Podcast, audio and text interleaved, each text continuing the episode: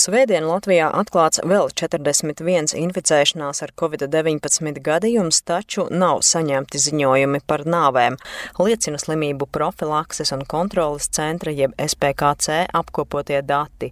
No vairāk nekā 3,5 tūkstošiem veikto testu pozitīvs bija 1,1%.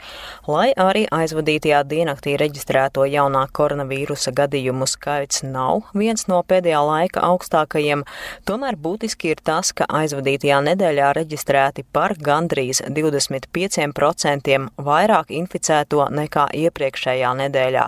Kā norāda SPKC, saslimstība turpina pieaugt 15 līdz 49 gadus veco cilvēku vidū, un šobrīd, ja salīdzina ar iepriekšējo nedēļu, kāpums ir novērojams jau visos reģionos. Latvijas slimnīcās pat laban ārstējas 60 covid-19 slimnieki, un no tiem 13 ir smaga slimības gaita.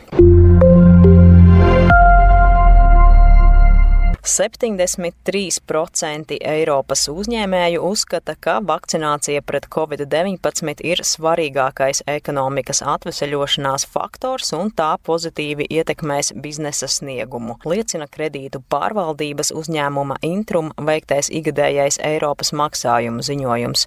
Mazie un vidējie uzņēmumi ir optimistiskāki par lieliem uzņēmumiem, savukārt viena no pandēmijas vissmagāk skartajām viesmīlības un izklaides nozarēm nozare uz vakcināciju liek vislielākās cerības.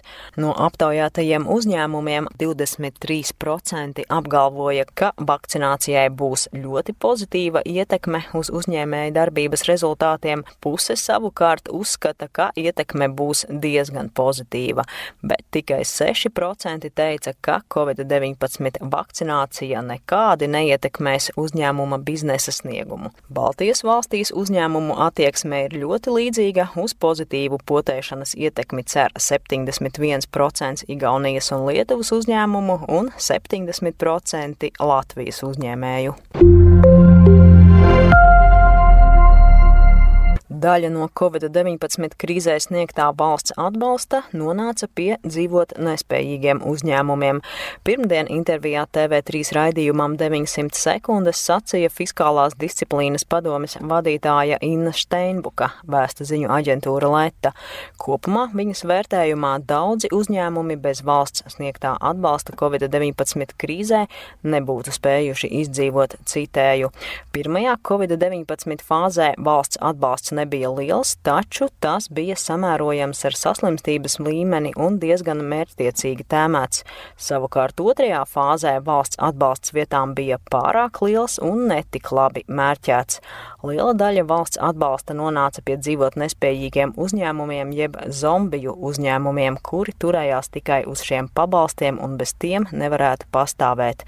Tā Inna Steinbuka, kura kopumā valsts sniegto atbalstu Covid-19 krīzē skalā no 1 līdz 5 novērtēja ar 4 ar mīnusu.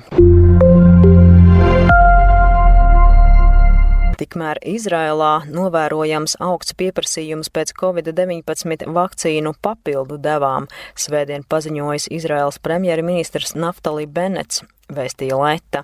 Izraela jau nedēļu piedāvā cilvēkiem virs 60 gadiem, kuri pirms vairāk nekā pieciem mēnešiem vakcinējās ar Pfizer-BioNTech vakcīnu, saņemt trešo devu. Benets arī paziņoja, ka papildu devu saņēmuši jau vairāk nekā 420 tūkstoši cilvēku vecumā virs 60 gadiem un prognozēja, ka līdz dienas beigām to skaits sasniegšot pusmiljonu. Jāpiebilst, ka Izrēlā līdzīgi kā atsevišķās citās valstīs pēc pēdējā laikā pieauga hospitalizēto covid-19 pacientu skaits. Vairumā gadījumu viņi inficējušies ar lipīgāko koronavīrusa delta paveidu.